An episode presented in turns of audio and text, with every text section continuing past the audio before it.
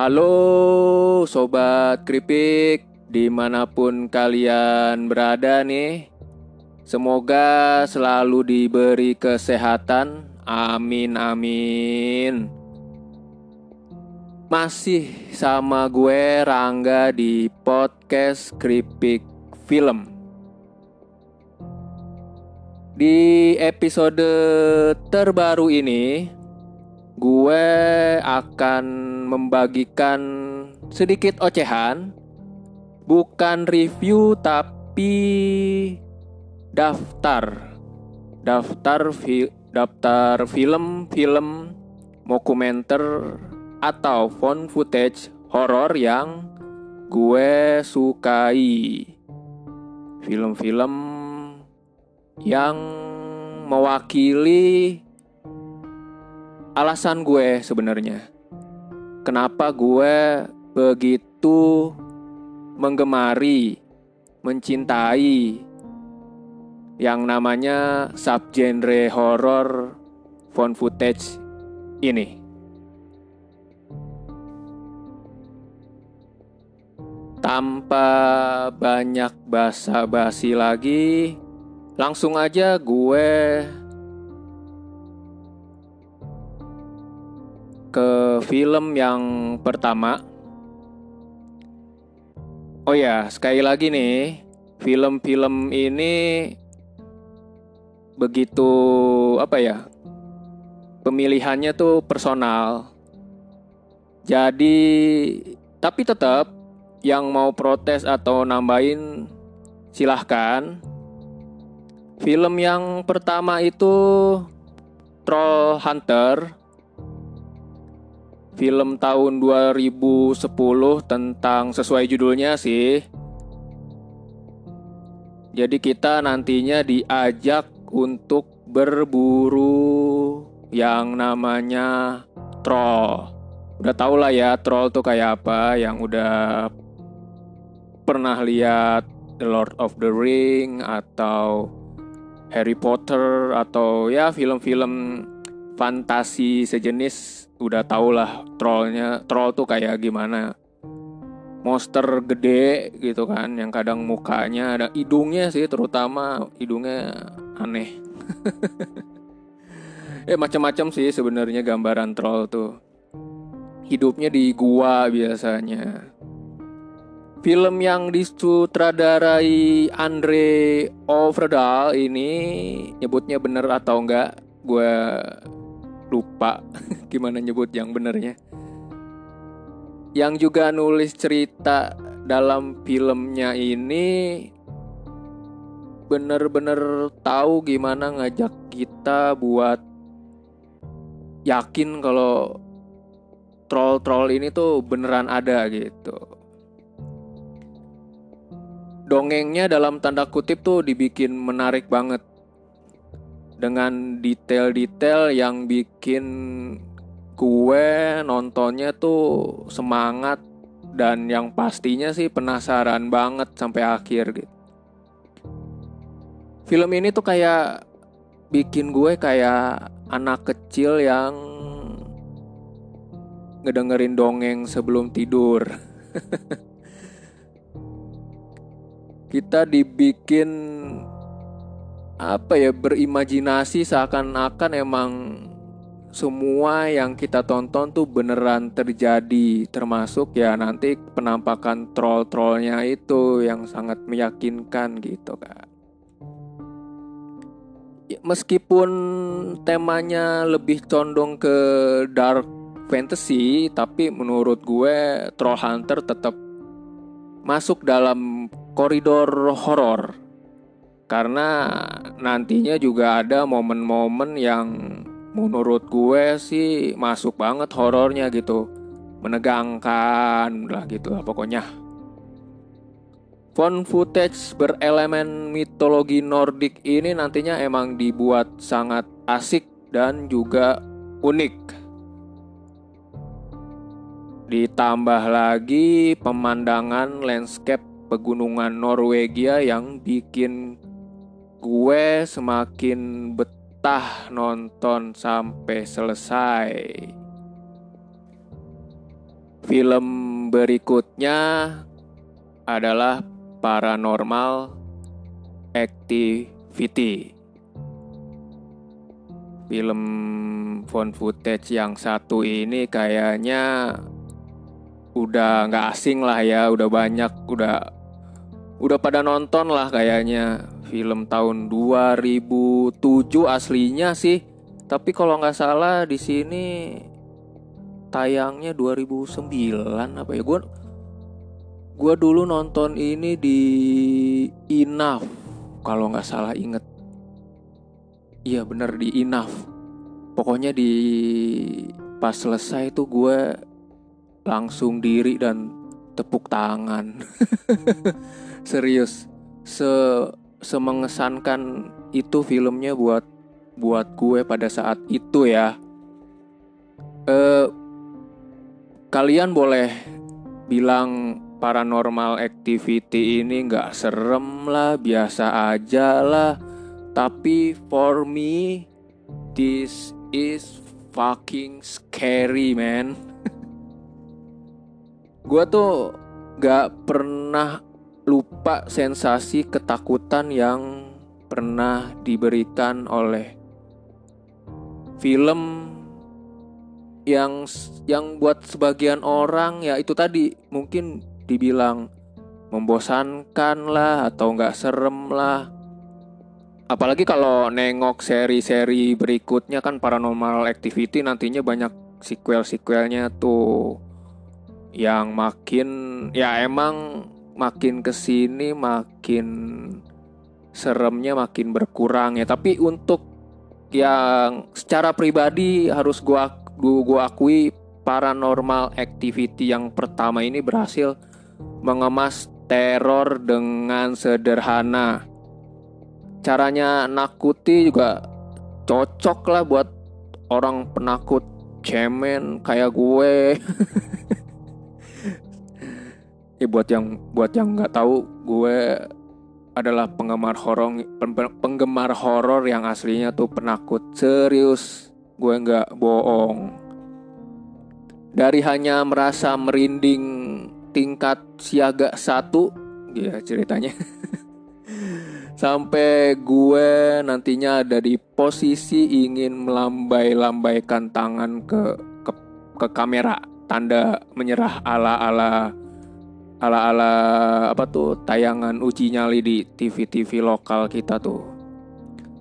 Selama 80 menitan gue dibiarkan buat ketakutan mampus oleh teror yang datangnya sebenarnya bukan dari penampakan ya.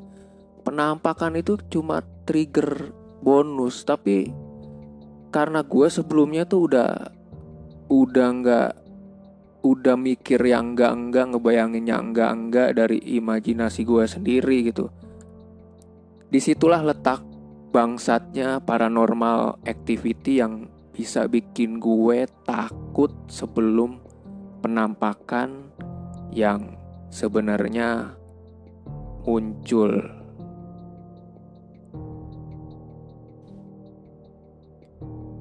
Film berikutnya nih, pada bisa nebak nggak nih kalau gue bilang bocah kui wis digowo neng alam liyo. Ayo, ada yang bisa nebak gak tuh dari film apa? Iyap. Yap, yap, ada yang bisa nebak? Nah, benar. Keramat. Film yang disutradarai oleh Monty Tiwa di tahun 2009. Ini kalau setiap gue nanya film horor lokal apa yang paling serem? Orang-orang pasti ngejawab film ini, Keramat.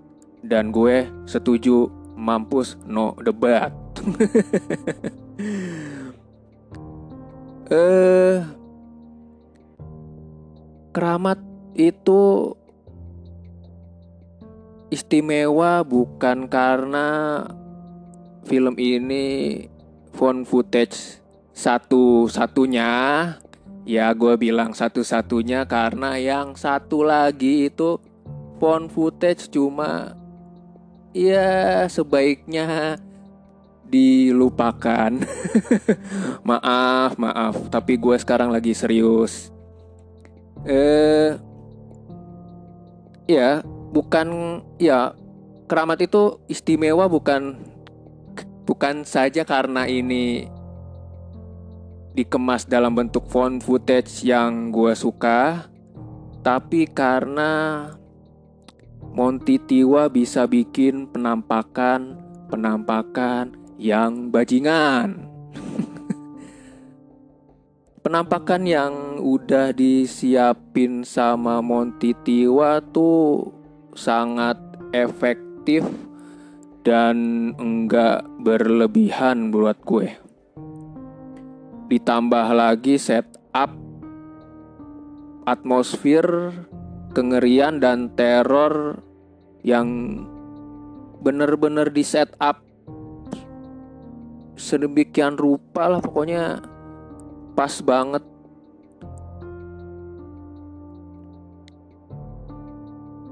Pas banget nantinya bikin kita nggak cuma ketakutan tapi dibikin tegang mampus.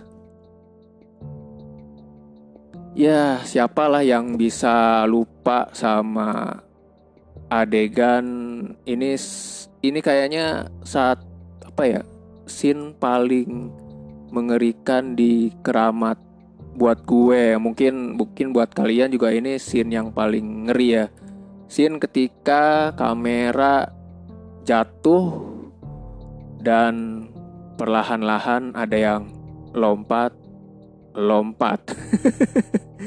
Yap penampakan pocong paling bangsat kayaknya ini setelah sundel bolong sama pocong tua. Adegan itu kayaknya mewakili kebangsatan keramat gimana filmnya bener-bener bikin kita abis itu nggak cuma gak bisa tidur tapi ketakutan ya ketakutan ketakutan mampus ya gue gue pas nonton ulang di DVD aja tuh pas adegan ini tuh sempet sempetnya gue pause dulu saking alah gak kuat men. Pokoknya bangsat banget lah keramat font footage yang bangsat banget. Film ke keempat ya adalah film favorit gue, phone footage favorit gue keempat itu ada Rek. Mantap kan nih Rek. Ini juga kayaknya udah banyak lah yang nonton film tahun 2000 2007 film film Spanyol bukan iya film film film film Spanyol Nantinya juga ada remake-nya sih. Di remake sama sama Eric sih, sama Eric Quarantine itu. Gue masukin film ini bukan sekedar karena emang kecintaan personal gue sama film zombie tapi juga karena sutradaranya Paco dan Paco Plaza sama si satu lagi gue lupa namanya. Aduh maaf maaf maaf. Memori gue, ingatan gue maklum lah udah berumur agak-agak pikun. Maaf ya kalau lupa-lupa. Ini nggak cuma sekedar karena ini film zombie kesukaan gue, tapi juga bisa filmnya tuh mampu menghadirkan found footage dengan tingkatan kengerian yang membuat otak gue muncrat ke sana dan ke sini. Pokoknya muncrat ke mana-mana lah. Filmnya rilis kalau nggak salah sih pada tahun yang sama dengan Diary of the Dead-nya almarhum Josh Romero Al-Fatihah buat Opa George. Semoga diberi tempat terbaik di sisinya. Amin Rek itu mewakili tontonan horor yang punya segalanya. Sebuah paket lengkap berisi mayat-mayat hidup yang energik yang siap meneror di antara ruangan sempit, gelap dan sesak. Film ngehe dari yap dari Spanyol yang memberikan pengalaman mengasihkan lewat aksi-aksi survival yang menegangkan, berdarah-darah banget, dan ekstra gigitan zombie di mana-mana. Pokoknya Rek ini mantep. Gue jadi pengen nonton lagi. Udah lama nggak nonton Rek nih. Habis ini kita nonton Rek kali ya. Film kelima. Nah ini film yang om aduh ini film gue suka suka suka suka banget. Ini film gue ulang-ulang setiap mau tidur. Judulnya adalah Phoenix Forgotten. Ini temanya sebenarnya agak-agak sci-fi UFO gitu tapi punya unsur-unsur horor. Makanya masih gue masukin ke daftar ini. Film yang disutradarai oleh Justin Justin Barber ya, bukan Justin Bieber. Tahun 2017.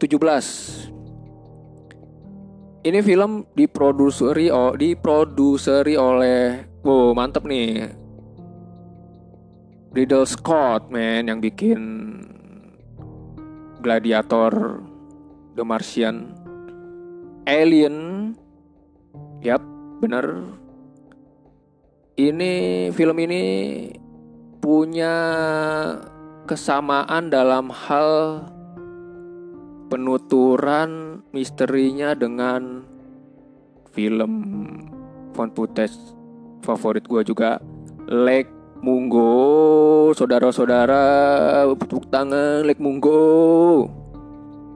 Ya, sama kayak Lek Munggo, filmnya memanfaatkan cuplikan-cuplikan berita televisi dan rekaman kesaksian orang-orang demi makin menggiring kita tuh jadi makin percaya sekaligus ya pokoknya filmnya bikin kita percaya kalau yang kita tonton tuh bukan bullshit tapi emang real kejadian. Sambil kita nantinya juga pokoknya penasaran nih ada apa sih? Terus beneran gak sih ini apa alien atau atau atau atau siapa gitu yang dibalik semua semua misteri yang ada nantinya di film Phoenix Forgotten ini.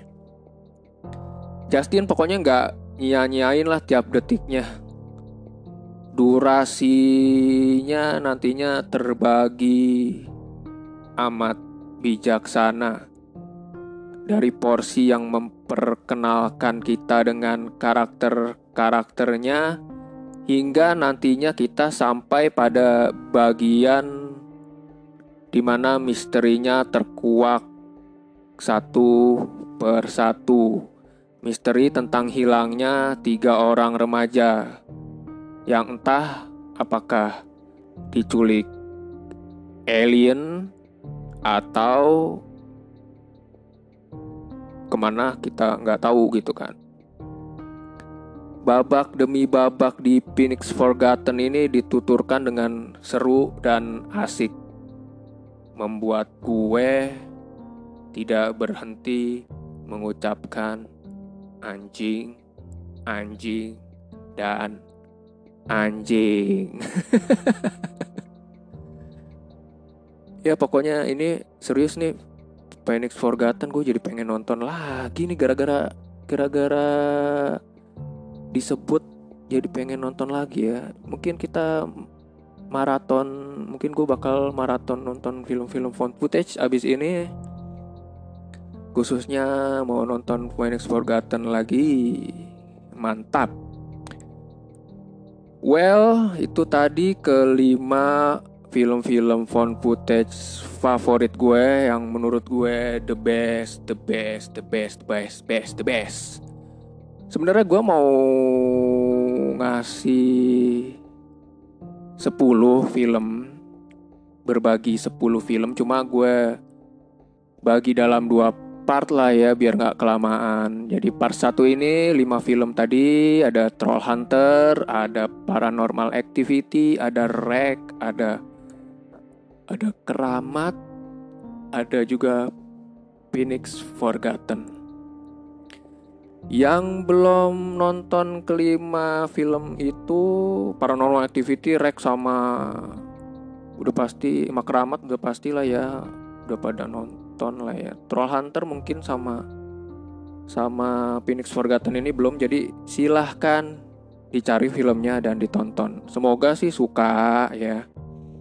Oke itu aja untuk itu dulu lah ya 5 dulu. Nanti gue bakal lanjut 5 film berikutnya yang penasaran yang pokoknya yang penasaran film berikutnya itu apa Tungguin aja episode berikutnya Kripik Film.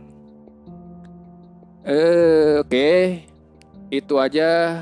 Terima kasih untuk yang sudah mau mendengarkan podcast Kripik Film yang sebenarnya nggak penting ini. Sampai ketemu lagi di episode berikutnya. Bye bye. Ciao. Ciao.